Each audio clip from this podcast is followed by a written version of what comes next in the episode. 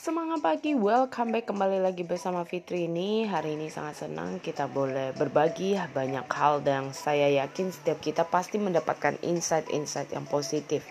Nah kali ini di episode ini aku mau membahas adalah tentang bagaimana sih cara kita bisa menghandle keadaan-keadaan yang uh, kita tahu ya. Keadaan-keadaan yang tidak pasti gitu. Maksudnya apa gitu Nah, kadang teman-teman apa yang kadang kita lakukan gitu ya, selalu mungkin uh, ada aja yang di luar pemikiran kita. Salah satu contohnya mungkin adalah di saat kita sudah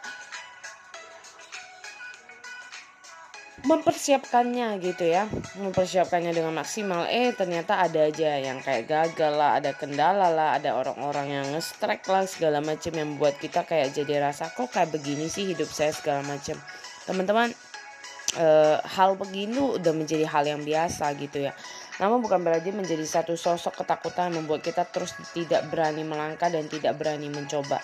Jadi bukan tunggu karena harus apa yang orang nilai, apa yang orang katakan, tapi jadilah diri kita yang versi yang kita mampu lakukan.